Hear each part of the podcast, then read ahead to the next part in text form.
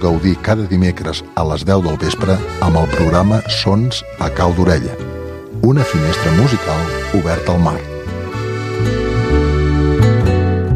Trobar una canya que vagi bé costa molt. Això diuen tots els instrumentistes de tenora i de tible i en dona constància Josep Gispert, tenorista tota la vida i actualment la persona amb més experiència fent canyes per a aquests instruments a tot Catalunya. Hem tingut una conversa molt interessant amb ell per parlar de canyes, què són, com es fan i quines peculiaritats tenen un element de la tenora i el tible que suposa un sobrecost econòmic per a tots els instrumentistes, ja que eh, duren aproximadament aproximadament dos mesos de vida i tenen vida pròpia. Gisper ens explica que es tallen en lluna vella i que el problema global de la sequera també afecta les canyes. Aquest any no n'ha pogut tallar. En parlem amb ell, el Coplejant.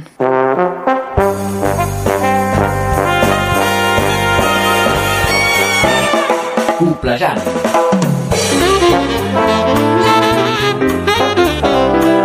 Coplejant, amb Caral Pedemonte.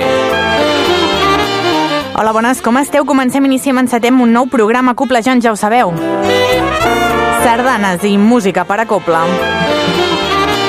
Aquesta setmana parlem amb Josep Gispert, constructor de canyes, que ens explica totes les peculiaritats d'aquest element imprescindible per a tenoristes i tiplaires, una peça clau que els suposa un sobrecost en la seva professió respecte a la resta d'instruments de copla. Aquest és el programa 373 i tenim més titulars. La Copla Mediterrània enregistra un integral pòstum de Jesús Ventura en darreres sardanes no enregistrades de la seva producció que va de 1990 fins al 2019, aquesta segona era. I Arnau Tordera i Xavier Pagès Corella són els protagonistes i creadors de la nova producció de Copla Fusió Trifàsic, un espectacle de copla i guitarra elèctrica a càrrec de la Copla Sant Jordi que s'estrena a Tarragona al maig a la cala final de la sardana de l'any. Parlem amb tots dos. I Pont celebra aquest any el mil·lenari de l'Església de Sant Pere amb una programació comissariada per Ruth Martínez que inclou actes de copla com l'espectacle de Roger Mas i la Copla Sant Jordi o un concert amb la Copla La Principal de Llobregat amb una sardana d'estrena dedicada al mil·lenari de Jordi Molina. També una plec de quatre coples. I aquest abril hi ha eleccions a la Junta de Govern de Som Sardana. Seran el 9 d'abril de 2024 en el marc de l'Assemblea General Extraordinària. El període de presentació de candidatures per dirigir l'ENS està obert fins al 2 d'abril. I Balaguer tindrà un monument a la sardana al centre de la ciutat. S'ubicarà a la plaça de la Sardana. Es finançarà amb els fons propis de l'associació Balaguer Capital de la Sardana 2022 i el farà l'artista Gerard Pons. Ara sí comença un programa d'una hora de sardanes i música per a copla. Comença el Coplejant.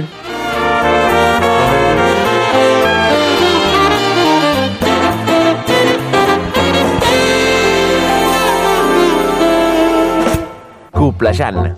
Menció de qualitat als Premis de Ràdio Associació de Catalunya al millor programa de ràdio local. El que ha passat al món immens de la sardana i la copla aquesta setmana passa per Torroella de Montgrí i així us ho expliquem.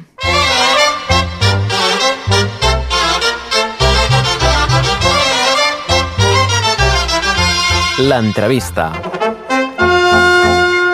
Aquesta setmana ens volem endinsar en el món de les canyes estrenant secció aquesta l'entrevista en aquest especial aquesta part on bufen els músics i músiques de tenores i tibles, ho dèiem, les canyes, que sembla menor però que hi ha tot un món al darrere. És per això que hem anat a buscar a Torroella de Montgrí el músic i tenorista de professió Josep Gispert que ens explica tot el que cal saber i tot el que se sap sobre les canyes en una conversa molt interessant.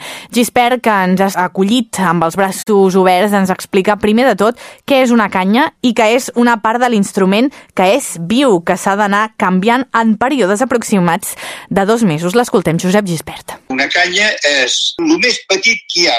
Hi ha l'instrument i, i després hi ha un tudill que s'hi posa la canya i és a dalt de tot és la canya. És, diguéssim, el que es posa a dintre els llavis. Que has de bufar allà i és el que dona el so. La canya et vibra i, i dona el so. És una canya de qualsevol canyer, eh? dels canyers que veiem totes aquestes contrades per aquí. La canya, per anar bé, ha de ser de dos, tres anys. Pot arribar alguna de quatre, però és dos, tres anys. I vas amb un canyer i, i ens fixem, les que tenen plomero, a dalt, la canya que té plomero és canya de l'alt. Aquella no va bé. El primer any és, és fofa, s'arrugaria quan se seca i no, no va bé.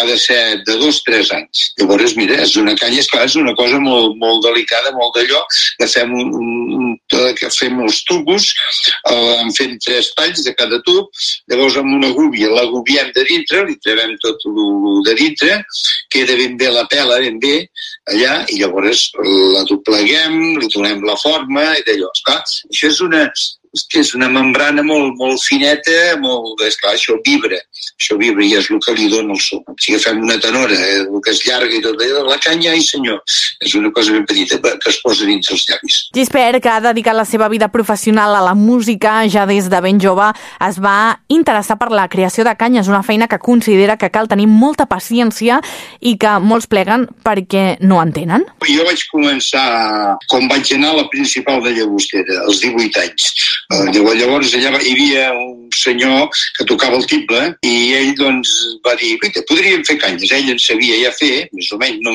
em feia i, i, i va dir, ja podríem fer i, i m'hi vaig posar. Això és una cosa, no és difícil, eh? no, no, és, no és difícil. El que es necessita una mica de paciència i t'ha d'agradar, voluntat, perquè molta gent, jo n'he ensenyat a molta de gent i se n'han cansat, doncs, els saben fer, però prefereixen comprar-los i no, i no fer-se'ls.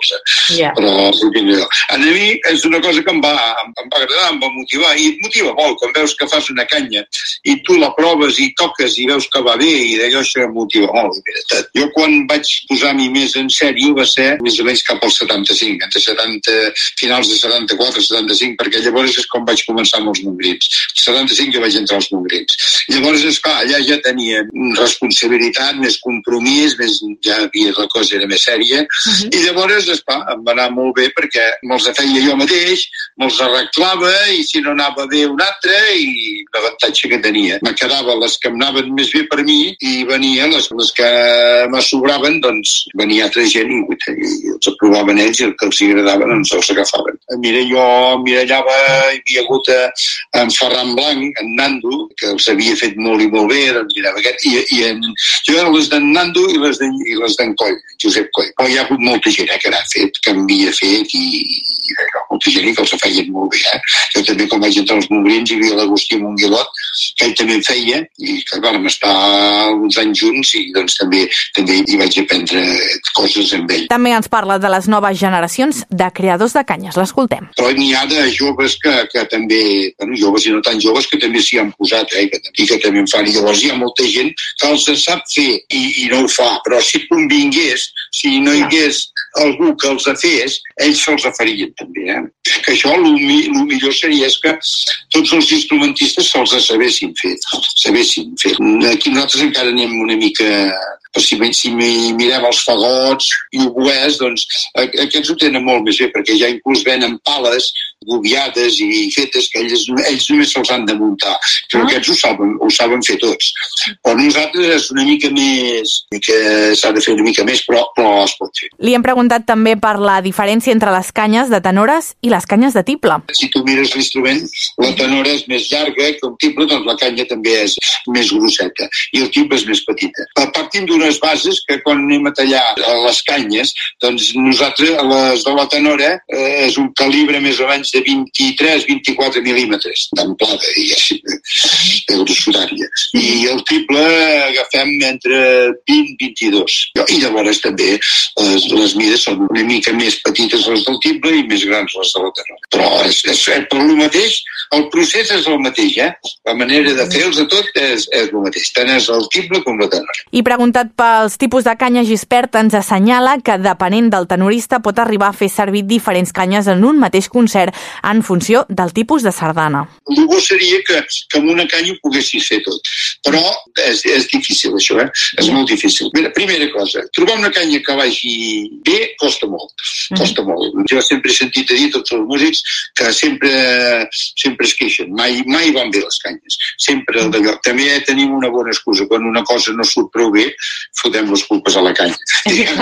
A la canya. Sí. Això també, també això no ho tenen, no, no, aquest avantatge no el tenen els trompetes ni fiscorns, perquè, esclar, la boquilla sempre és igual. yeah. Si la cosa no va prou bé, són ells. Nosaltres tenim aquesta, puguem posar aquesta excusa, que és sí. la canya que va bé. Hi ha una part de raó, perquè la canya és, és, és viva, la canya és, és, és clar, és, és, fa moviments. La canya, la mateixa canya, no és el mateix tocar una ballada al matí eh, en un lloc o, o tocar a la nit, perquè depèn de l'humitat i d'allò, doncs, la canya sona i té diferències. I no és el mateix tocar a la costa que tocar a la muntanya. La muntanya s'assequen més, s'atenquen i, i llavors fas més galls i altre. T'hi has d'acostumar tu. Jo el meu consell és un, per les obligades necessites una canya una mica més forteta, no pas massa, eh? tampoc no pas massa, perquè es fa una canya forta, l'única cosa que fa és que cansa. Yeah. Mm, però una miqueta més que te respongui més per anar en els, a les notes agudes, perquè, és clar amb les obligades doncs, fas notes aguts, sobreaguts i tot això. Doncs que, que te respongui allà, perquè, és clar si quan vas a fer l'agut no et surt, fracassarà sempre. Clar. Doncs necessites una, una canya ja preparada pels aguts. Llavors, és a la manera, quan te'ls prepares, doncs ja, ja ho has de fer, o els toques més als costats, que, que va més bé pels aguts, i llavors ja també, eh, si agafes una canya per fer cantàbils, eh, no sé, girem els cants del Sant Martí del Canigó, de, de, aquest, per fer aquests cantàbils, doncs també necessites una canya que respongui molt bé als atacs.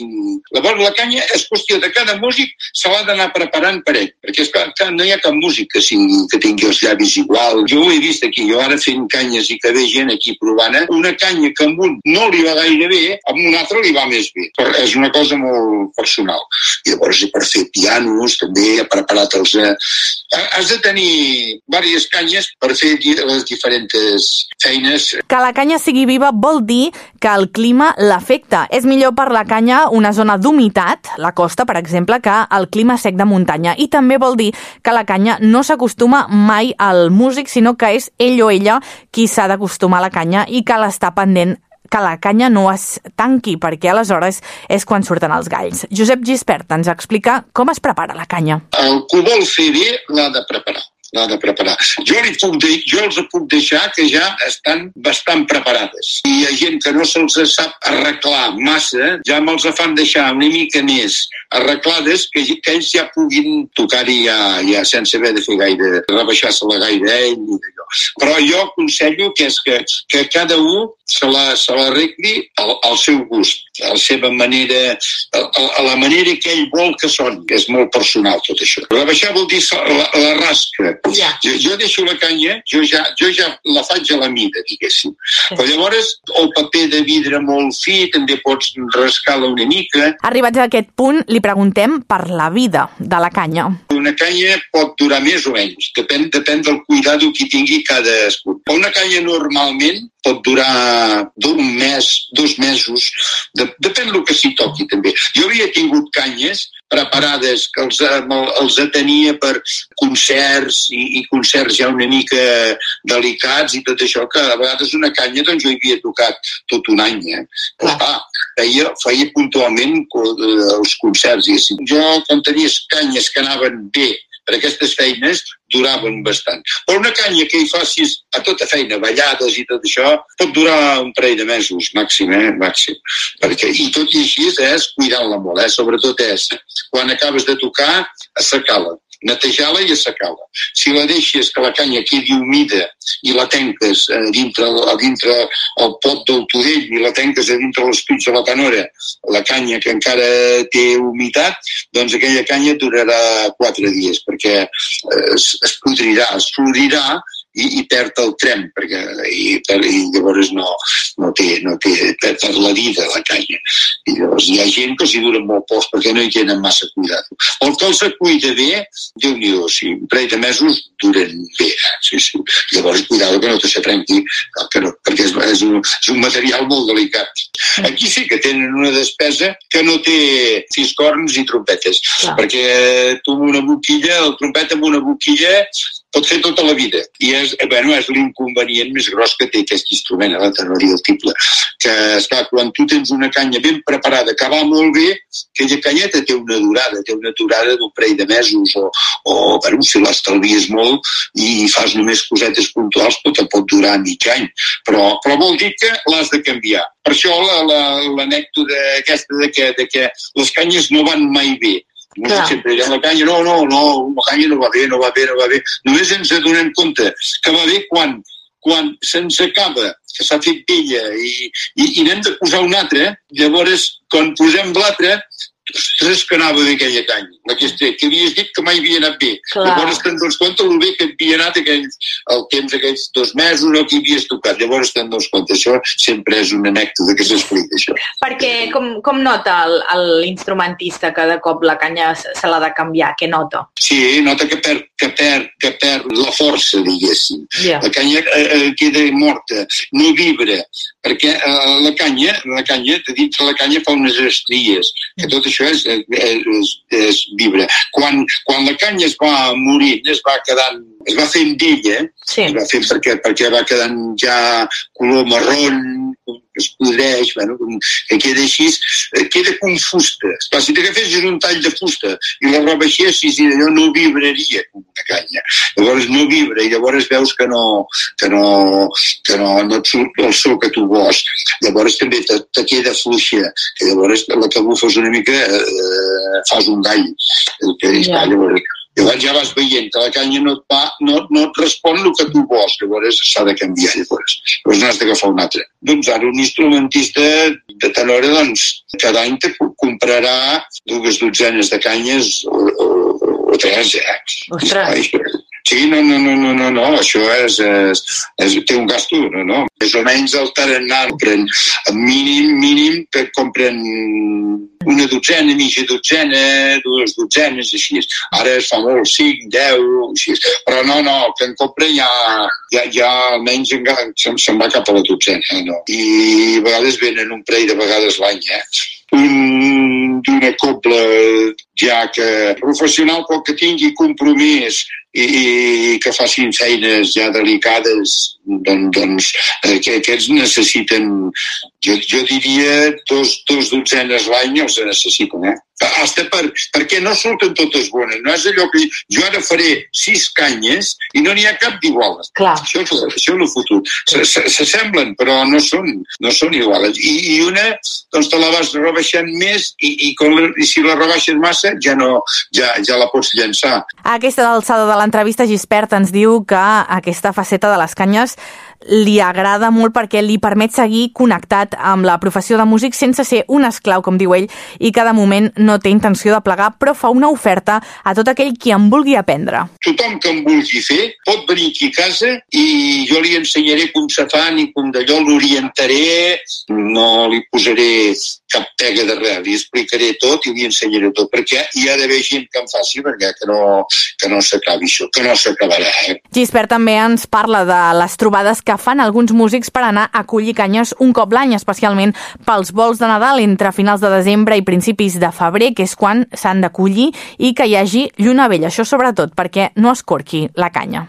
Aquest any no hi hem anat, perquè aquest any és un any molt dolent per les canyes, perquè amb la sequetat se n'han mort moltes. Se n'han quedat... No, no, no, no, jo, jo crec que no irien massa bé. Mai tant, esclar, la sequera, esclar, la canya és com un arbre, és com, és com d'allò, doncs també, també, també d'allò. O sigui, això ho hem fet molts anys i, i, i ho tornarem a fer, eh? Mira, aquests anys, aquests anys hem anat per la banda de Paralada, Vilanova de la Muga, Cabanes, Paralada. Jo he anat a molts llocs de Tallacanyes, havia anat, perquè hi ha una dita que diu que allà on hi ha bon vi hi ha bona canya, pel terreny. Jo havia anat a, a, a la banda de, de Sant Sadurní de Noia i per allà baix també hi havia anat a tallar cap, perquè esclar, allà, allà tots són vinyes i, i anaven bé, anaven bé també les canyes. Però eh, eh tenim una tirada aquí a Paralada per, per lo de la tramuntana i això que diuen. Finalment, Gispert ens explica com ha de ser el secatge de la canya. I almenys ha d'estar dos anys assecant-se. Eh? I un consell que jo dono, que això ho he vist, ho fan amb les canyes de fagot i d'uruec, i jo ho he, ho he estat fent i em dono resultats, és que al mes de juliol posar-lo al sol entre 7 i 10 dies que estigui allà al sol, que li toqui el sol, i anar-la girant. I llavors tornar-la tornar a assecar, perquè nosaltres tota la vida l'hem assecat a l'ombra, en llocs que no hi toqui el sol, però que hi entri el vent. Però doncs que li toqui el sol entre 7 i 10 dies, el juliol, primer de juliol, va, va molt bé, perquè la canya agafa un color més maco, un color, eh, aquell groc maco, de, que jo ho havia vist sempre amb les canyes de, fagot i tot això, i nosaltres ens quedàvem més verdoses, més allò, un vent que no era tan maco. Això és una de les coses que jo tots els allò els dic, feu això. Bé, doncs aquesta ha estat l'entrevista a Josep Gispert, molt interessant. Actualment, a banda de Gispert, que és la persona que més canyes fa i ven a tot el país, també hi ha d'altres músics que es dediquen a aquesta tasca com Francesc Benítez, Jordi Carrera, Joan Roca o Josep Ferràs o també David Bondia, que està començant a fer-ne. Anteriorment també n'havien fet Esteve Termes i Miquel Sisa. Escoltem la sardana Maragassa, una obligada de tenor escrita per Josep Gispert a càrrec de la principal de la Bisbal, data de l'any 2000 i s'estrenava a la plec de les Roquetes, a Barcelona. Coplejant, el magazín que t'informa de tot allò que és notícia al món immens de la sardana i la copla.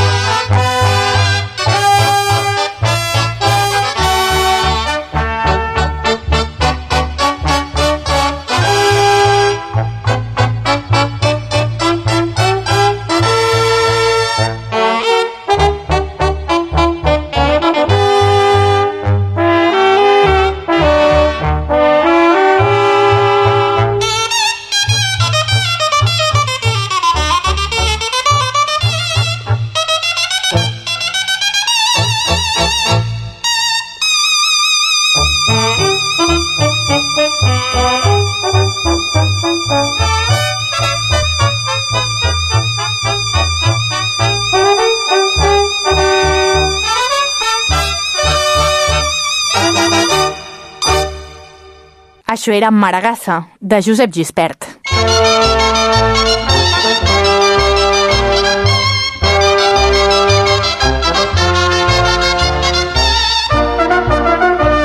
Coplejant.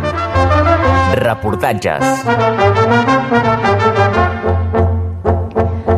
Aquest diumenge a la tarda els Amics de la Sardana de Caçà van celebrar el seu 49è aniversari amb una ballada de sardana seguida de ball d'orquestra a càrrec de la Salvatana al pavelló polivalent. Van oferir galetes i moscatell pels assistents. Caça de la Selva encapçala els actes que repassem del cap de setmana.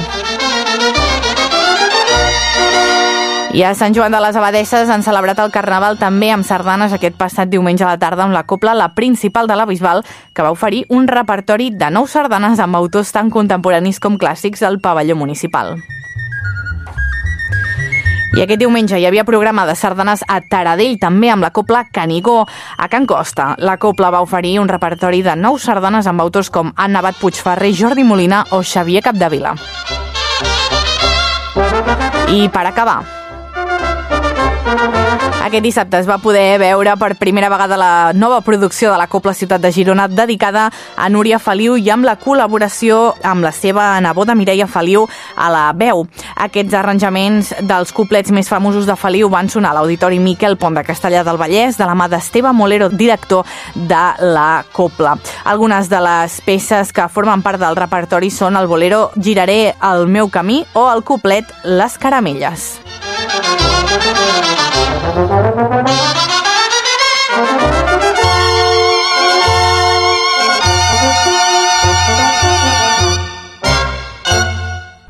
Si vols estar informada de l'actualitat coplística a Catalunya, escolta'ns a la teva ràdio o a coplejant.cat.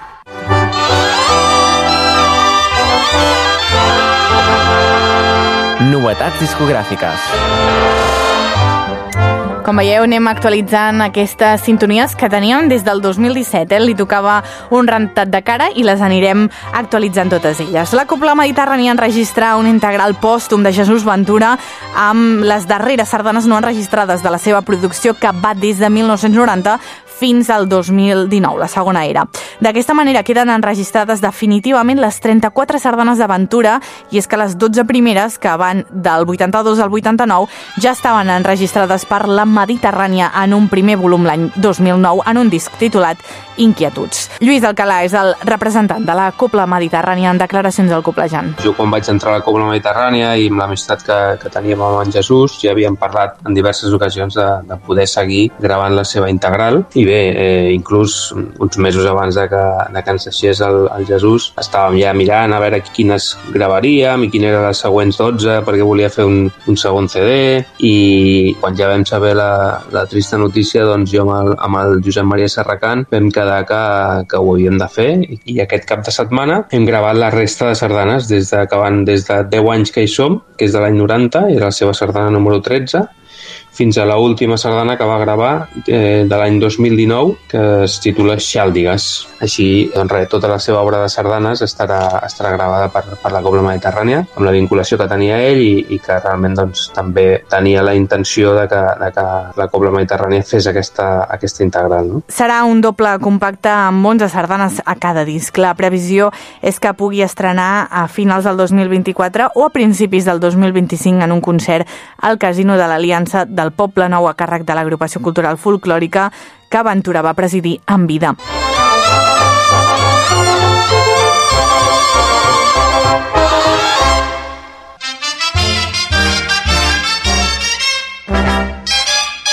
Traspàs de Copla. I els canvis a les coples ja s'han fet perquè ja ha passat Carnestoltes, però aquesta setmana hem de continuar tenint aquest traspàs de copla perquè ens fem de ressò del canvi de tibles a la copla la principal de Caçà, i és que la copla caçanenca es queda amb una vacant després de la marxa d'Anna Asensio al Rossinyolets, ho explicàvem la setmana passada, i cobrirà la seva plaça el tiple Albert Torrent de Torroella de Montgrí, que aquesta temporada passada formava part de la copla la principal d'Olot. Els desitgem a tots ells molta sort en aquesta nova etapa i obrim l'agenda sardanista. Estàs escoltant El Coplejant, l'únic magazín d'actualitat sardanista dels països catalans. L'agenda. Vinga, doncs obrim aquesta agenda sardanista i ho fem a diumenge 3 de març que és diumenge que ve al Prat de Llobregat perquè a la plaça de la Vila hi ha audició amb la Baix Llobregat pel Dia de la Dona, dos quarts de dotze.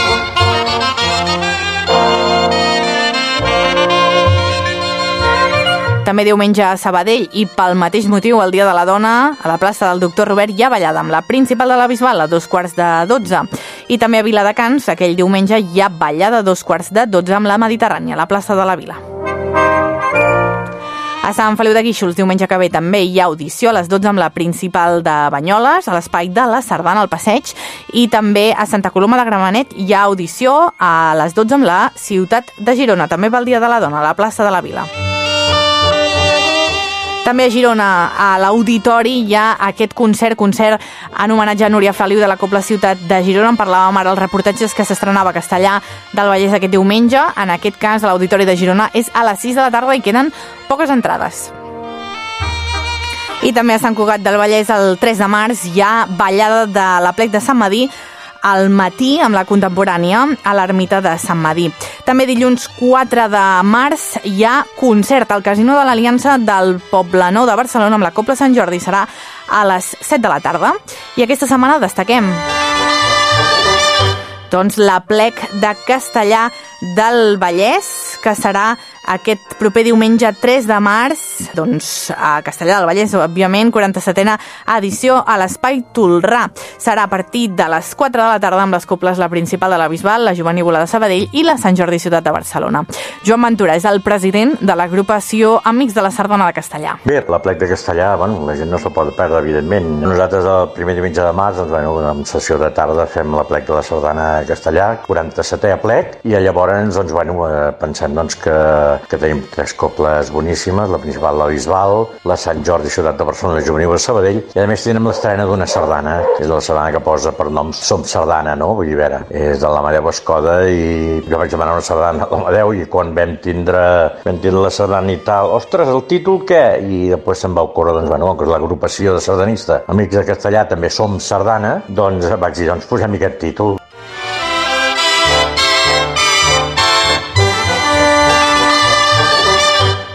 Copla, fusió. I de la interacció a xarxes socials també en pot sortir art. Això és el que ha passat entre els músics Xavier Pagès, Corella i Arnau Tordera, que comparteixen talent, interès per la música de Copla i són també molt actius a les xarxes socials. Han creat Trifàsic, una producció de Copla Fusió per a Copla i Guitarra Elèctrica que comptarà amb la Copla Sant Jordi i la percussió de Joan Torres i dirigida per Xavier Pagès, qui ha creat aquesta obra de 45 minuts que interpretarà de solista amb la veu veu i amb la guitarra elèctrica, Arnau Tordera. S'estrenarà al Palau de Congressos de Tarragona el dia 25 de maig de 2024 a partir de dos quarts de sis de la tarda a la final de la sardana de l'any. Arnau Tordera i Xavier Pagès en declaracions al Coplejant. Va sortir com, com acostumen a sortir avui dia alguns projectes artístics de manera inesperada i a través de les xarxes. El desencadenant ser algun tuit on fèiem referència al fet que no, no hi havia cap obra pa, composta per guitarra elèctrica i per coble i a partir d'una successió de tuits, doncs en Xavier va exposar la possibilitat de, de crear un concert, és a dir, una peça de concert en el qual el solista, doncs en aquest cas, seria la guitarra elèctrica i la part, eh, entre cometes, orquestral, doncs seria la copla. L'Arnau, si no recordo malament, va penjar un tuit demanant l'opinió de la gent de si coneixien repertori per a guitarra elèctrica i orquestra uh -huh. i bé, jo vaig, vaig veure que havia penjat amb altra curiositat i vaig veure que la gent doncs, deia algunes obres, etc. I jo vaig pensar, i, bueno, sí, de repertori per orquestra alguna cosa hi ha, no? però dic, i per a cobla? vaig pensar, dic, em sembla que no hi ha res, no? I li vaig dir, i ho vaig pujar, dic, dic em veig que hi ha exemples d'obres per orquestra i guitarra elèctrica i tal, dic, però per cobla no s'ha fet res, dic, t'atreviries a tocar-ne una de meva? I bueno, ell va contestar immediatament i va dir, som -hi, i res, i a partir d'aquí vam posar fil a l'agulla. L'espectacle Concert Trifàsic que s'estructura en tres blocs. El primer és l'estrena de l'obra Concert Trifàsic, que dona nom a l'espectacle, obra per a guitarra elèctrica, copla i timbales, encarregada de Xavier Pagès. Després hi ha també un apartat de sardanes obligades arranjades interpretades per Arnau Tordera amb guitarra elèctrica, acompanyat de la copla Sant Jordi. Aquestes són Ocellets enjugassats, El judici final i Sarroncadora, i una darrera part de la cançó Ens en sortirem d'Arnau Tordera arranjada per a guitarra i copla.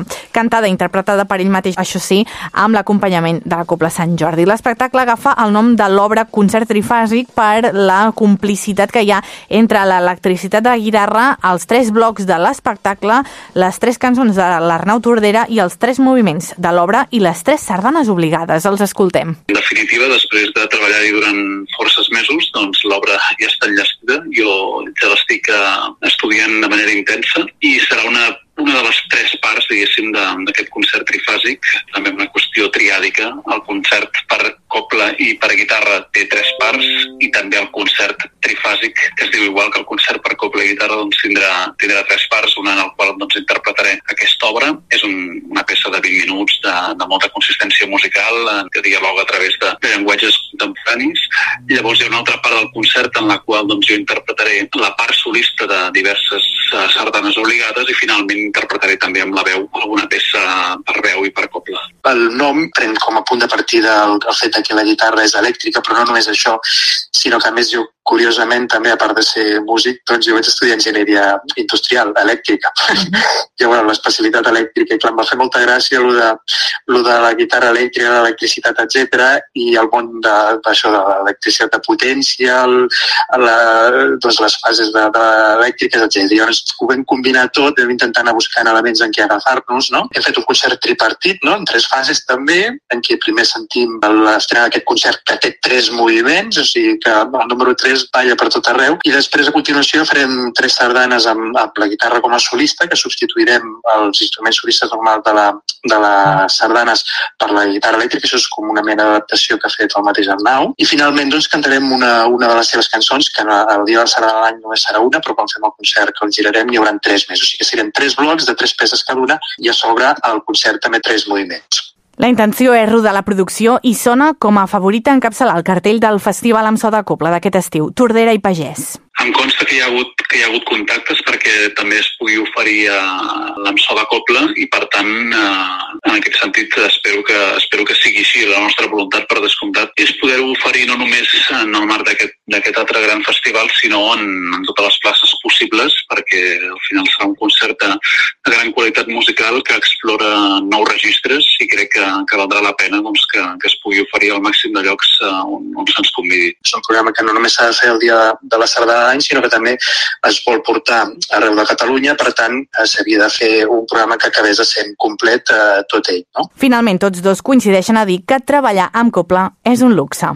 Per mi és un, és un, un veritable luxe perquè sempre em sembla una cosa relativament nova. És a dir, evidentment, el, el món musical en el qual jo m'expresso habitualment no és aquest i, per tant, sempre que, que ara ja són diverses les vegades que hi he anat a tenir un contacte, doncs sempre que hi vaig a, a explorar-hi i a descobrir coses noves, sempre m'enduc una, una sorpresa agradable. No? Per tant, en aquest sentit, ara, evidentment, doncs estic estudiant en la meva solitud, però més endavant, quan ja s'aproximi la data del concert, que, que ja tingui ocasió de, de tenir la copla al costat també serà amb la copla Sant Jordi, per tant, doncs res, ho espero amb moltíssimes ganes i amb la voluntat de gaudir també d'aquesta experiència com a intèrpret, que per mi també és, és absolutament revolucionària i innovadora. És un camí molt natural, dic jo, des de molt jove ja em vaig interessar per la copla, vull dir, és una formació instrumental que tenim molt a la mà, podríem dir, la tenim molt a la vora, els músics, s'ho so que pots sentir una copla, vull dir que és, és, és molt immediat, no? així com l'orquestra t'has d'anar a una sala de concerts, la, la cobla és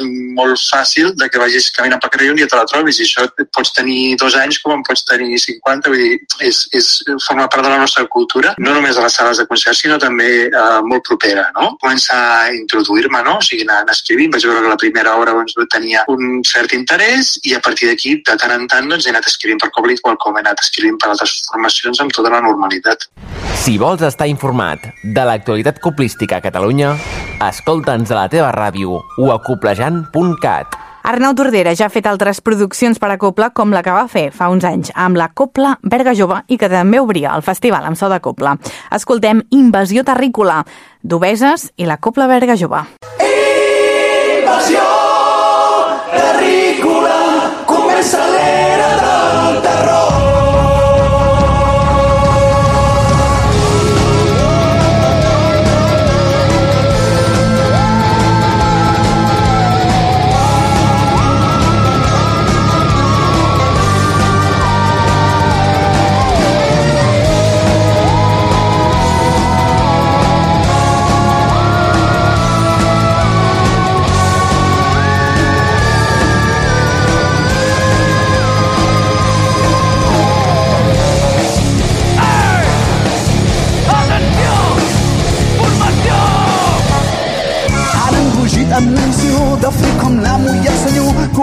tots els records del cosmos.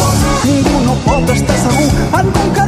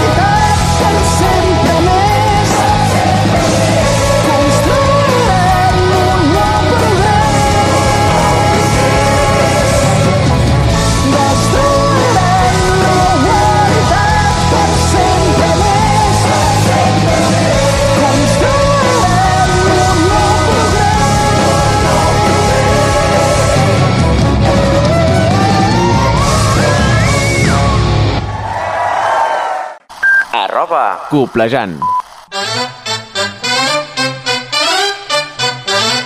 Coplejant. Recomanacions sardanístiques.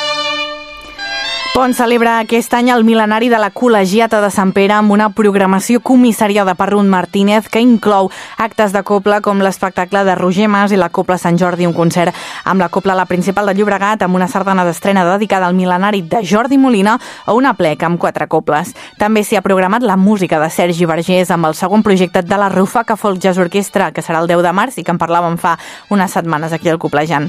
De dissabte 13 d'abril a dos quarts de 10 a l'església tindrà lloc aquest concert amb la Copla, la principal del Llobregat, dirigida per Marcel Sabater i presentat per una servidora on s'estrenarà la sardana de Jordi Molina que es torna a interpretar l'endemà en la pleca extraordinari del mil·lenari al Passeig de Pons amb les Coples Tàrrega i Vents de Riella al matí i amb la Juvenívola de Gramunt i la Vell Puigcopla a la tarda.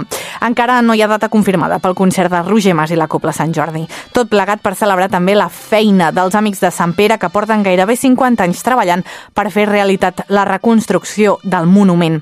Aquesta programació servirà per situar Pons a la comarca de la Noguera al mapa cultural.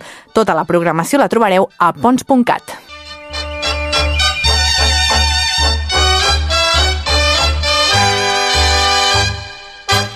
Coplejant. Coblejant. Coblejant. Amb Caral Pedemonte.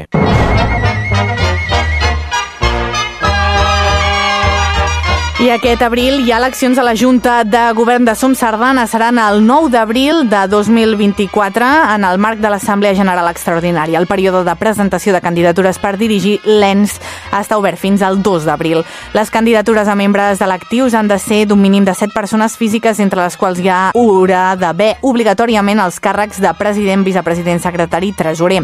Les candidatures completes i tancades han d'incloure el nom de les persones que ocuparan aquests càrrecs executius i hauran de tenir el suport mínim expressat per escrit de dues divisions modals i dues divisions territorials. Aquesta notícia obre el bloc de breus que estrenem d'aquesta setmana. Balaguer tindrà un monument dedicat a la sardana al centre de la ciutat, així ho ha decidit l'associació Balaguer Capital de la Sardana 2022 en una trobada on s'han valorat diferents opcions per destinar els recursos de l'entitat que està en procés de dissolució. Està previst que el monument s'ubiqui al centre de la plaça de la Sardana, al costat sud, al damunt de dues figures cilíndriques conegudes popularment com les aspirines. I l'encàrrec se li ha fet a Gerard Pons, un artista serraller de Vilanova de Bellpuig que ja té experiència amb aquest tipus d'actuacions i qui havia estat membre de la colla Sol i Xeni de la Copla Tres Turons i en l'actualitat el seu pare Xavier Pons resideix a Balaguer i és destacat dinamitzador sardanista. De moment encara no hi ha data per a la inauguració del monument que està previst que es faci durant els propers mesos. I la sardana unitària que ha escollit Som Sardana pel Dia Universal de la Sardana diumenge 16 de juny serà Jorn Alegre de Josep Serra en motiu dels seus 150 anys del naixement. Aquesta sardana es va estrenar fa 95 anys, l'any 1929.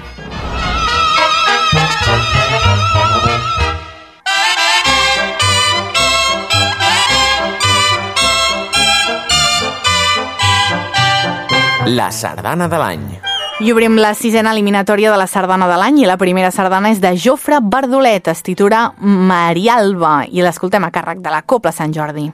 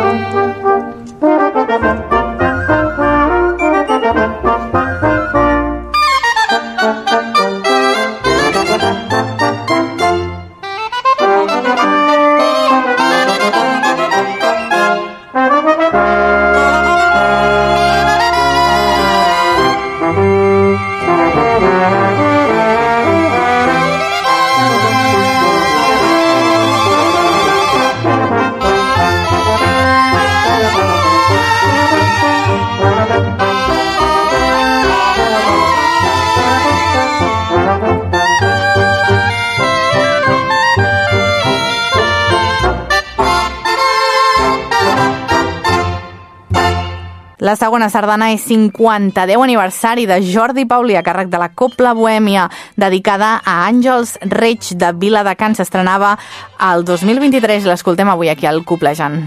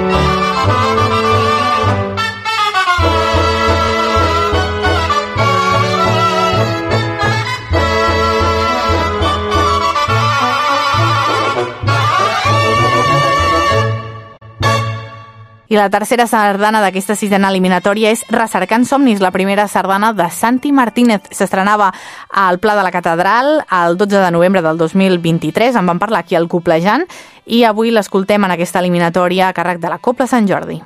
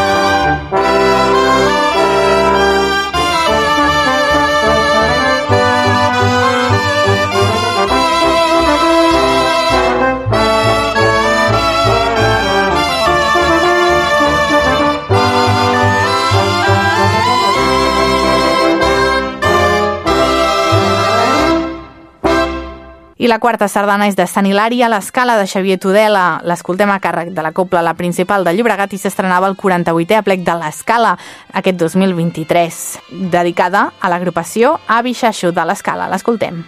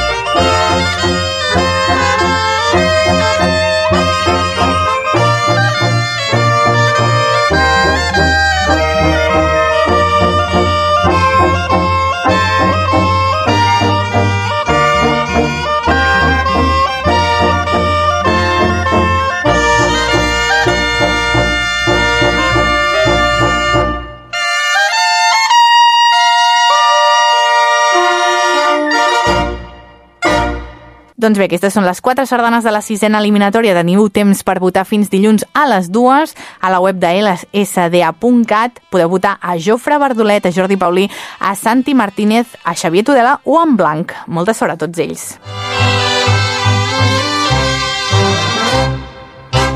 Coblejant. Coblejant. Coblejant. Amb Caral Pedemonte. Bé, nosaltres tanquem edició amb la sardana unitària del Dia Universal de la Sardana que hem conegut aquesta setmana Jorna Alegre de Josep Serra en motiu dels seus 150 anys del naixement i sona així, a càrrec de la principal de la Bisbal. És de 1929, per cert, aquesta sardana. Nosaltres acabem per avui. Recordeu que ens podeu trobar a les nostres xarxes socials. Som a Facebook, Instagram, Twitter, TikTok.